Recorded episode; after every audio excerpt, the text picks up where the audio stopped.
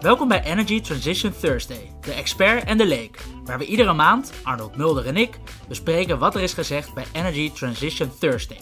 En dat is een sessie die Arnold iedere maand organiseert in Circle, het circulaire paviljoen op de Zuidas, om een van de onderwerpen in die hele grote energietransitie uit te leggen. Mijn naam is Jimmy Lange en ik ben communicatieadviseur bij ABN AMRO. Ik vind duurzaamheid super interessant, maar ik heb op de middelbare school zo snel mogelijk natuurscheikunde laten vallen, waardoor ik er vaak helemaal niets van begrijp. Nu heb ik hier iemand tegenover me zitten die er iets meer van begrijpt, namelijk Arnold Mulder, econoom en sectorbanker energie, ook bij ABN AMRO. Een paar weken terug had je de, had je de eerste versie. De eerste aflevering. Ja, Hoe, uh, hoe ging dat?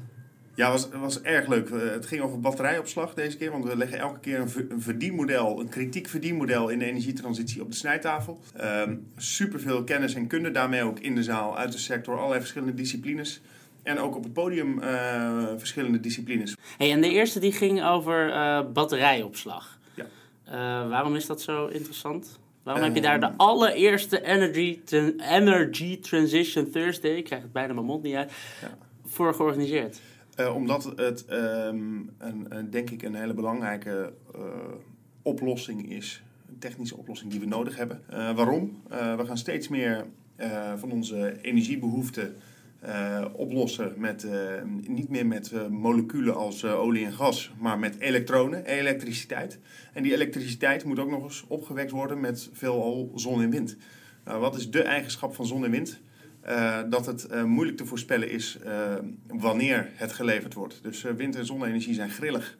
En dus krijg je problemen met balancering in, in het net. Want niet meer op elk moment is het aanbod van energie gelijk aan de vraag op het moment uh, dat wij thuiskomen, met over enkele jaren steeds meer met elektrische auto's. En we doen hem in stopcontact om op te laden. Vervolgens gaan we elektrisch koken en we warmen het huis nog even op. Dat is meestal het moment dat de zon al bijna onder is. Ja. Uh, dus de zonnepanelen op het dak leveren dan niet de elektriciteit die je nodig hebt. Dus je hebt een opslagmedium nodig om dat soort gaten in onze energievoorziening straks uh, op te vullen. Nou, en batterijopslag is daar een van de oplossingen voor om dat maar, te kunnen doen. Maar, maar dat is het toch al lang? Ik bedoel, ik heb toch ook in mijn, in mijn laptop en ik, ja, in, mijn, in mijn telefoon, dat, daar heb ik toch ook batterijen in zitten? Uh, ja, dat klopt. Uh, alleen is die batterij in de laptop. Dat is lang niet genoeg om uh, de enorme volumes aan elektriciteit die we nodig hebben op, op het juiste moment op te kunnen slaan en weer terug te kunnen geven aan het net. Dus het moet allemaal groter. Bijvoorbeeld een, een, een Green Choice of een Eneco, of een, die hebben niet een grote opslag voor elektriciteit? Nou, en er komen nu allerlei windparken bijvoorbeeld eh, op de Noordzee. Nou, op de Noordzee zelf is weinig vraag naar elektriciteit. Weinig zeehonden met smartphones. Ja, precies. Ja. Dus het hele oppervlak van de Noordzee is straks opwekkingsgebied. Je moet dat ergens balanceren met. Dat kan ook met uh, waterstof. Nou, er zijn allerlei manieren om, om het net te balanceren en op te slaan. Maar batterijopslag is een uh, belangrijke oplossing. Waar we in deze eerste aflevering van Energy Transition Thursday op hebben gefocust, is eigenlijk de grootschalige batterijopslag. Dus bijvoorbeeld bij windparken in de buurt en in de parkeergarage van uh, de Johan Cruijff Arena uh, staat ook uh, een, een, hele grote batterij. Het is een ehm, gevoelig onderwerp dit, hè, voor een Feyenoord. Maar, maar... Voor Ajax ziet als ik, vind ik het een prachtig voorbeeld. Ja, precies. Ja, heel mooi. het, is een, het, is een, hele grote batterij onderin de arena. vroeger hadden ze noodaggregaten daar staan, die draaien gewoon op diesel. en eigenlijk deze batterijen kunnen die functie overnemen, maar kunnen ook, het grootste gedeelte van de tijd, wordt er, worden ook geen voetbalwedstrijden of andere concerten afgewerkt in de arena. Dus dan kunnen die batterijen hun werk doen voor het, het elektriciteitsnet in de buurt. Ja, daar verdient de Arena dus ook uh, geld mee. Omdat ze die batterij daarvoor in kunnen zetten. Dus lokaal zorgen dat vraag en aanbod van energie uh, een beetje gebalanceerd blijft. En waarom lukt het dan de Arena wel om zo'n initiatief op te starten, maar is het grote energiemaatschappij nog niet gelukt? Nou, nog niet overal in het net is het probleem even groot. Maar je ziet bijvoorbeeld in delen van Groningen en Drenthe dat al grote zonneparken al niet meer aangesloten kunnen worden. Uh, dus het is ook een, uh, een probleem wat zich nu net begint te manifesteren.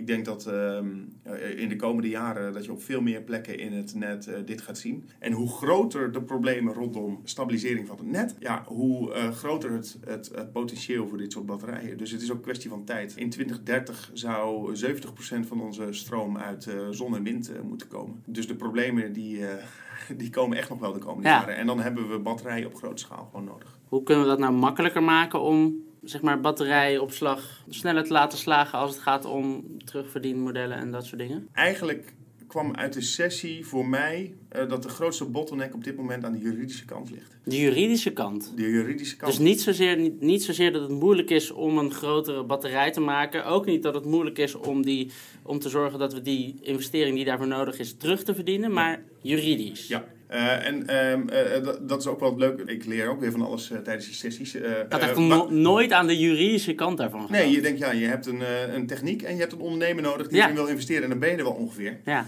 En, eh, Ehm, is het veilig genoeg? Ja, nou prima toch? Gaan. Maar dan komt de jurist en die zegt ja, eh, opslag bestaat eigenlijk helemaal niet in de wet. Wat? Je hebt in het elektriciteitsnet heb je productie, Ja? je hebt distributie, Ja? eh, dus de transport eigenlijk van de stroom. Ja, en natuurlijk een eindverbruiker aan het eind. En eh, we hebben een paar jaar geleden de splitsingswet gehad. Die betekent dat productie en distributie, dat moeten twee verschillende partijen zijn die dat uitvoeren. Vattenval, eh Eneco's, die produceren stroom. Maar je hebt bijvoorbeeld Stedin en Alliander Oh, en Enexis, ja. die doen de distributie.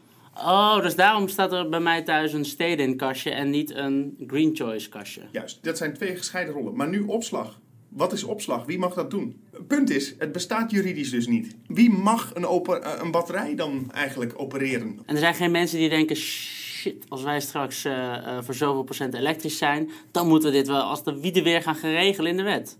Eh, daar wordt dus nu ook heel hard aan ge- gewerkt. De afgelopen jaren is het een beetje met patchwork opgelost. Lijstertjes plakken op Ja. de Nederlandse wetgeving. Oh shit, we lopen hier tegenaan. Nou, we passen hier een zinnetje aan en dan kunnen we weer door. Ja. Maar echt gestructureerd opgelost voor, met, met oog op wat er over 10 en 20 en 30 jaar nodig is. Nog niet. Er komt een heel pakket aan eh, wetgeving, eh, richtlijn uit eh, Europa. En dat zit eigenlijk heel goed in elkaar. Ja, wat is dan de toegevoegde waarde van de bank als je geld kan verdienen dan? Als je op wil schalen, dan, dan heb je vaker ook, zul je moeten lenen voor, eh, voor de investeringen die je moet doen.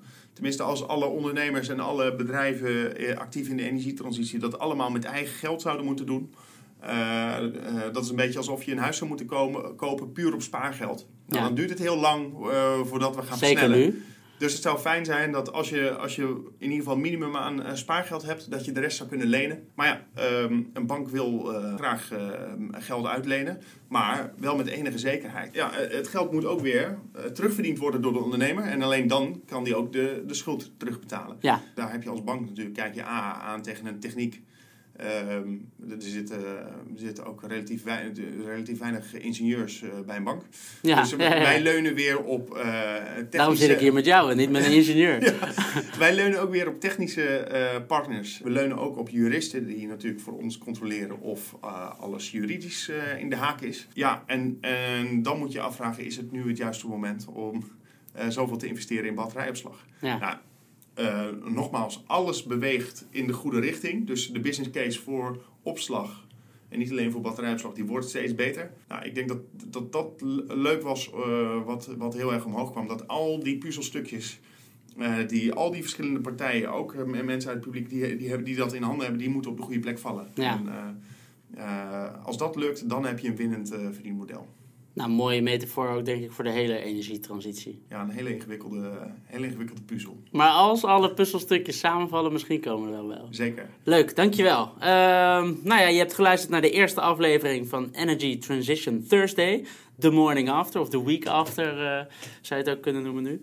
Ehm, waar gaat de volgende aflevering over? De volgende gaat over geothermie.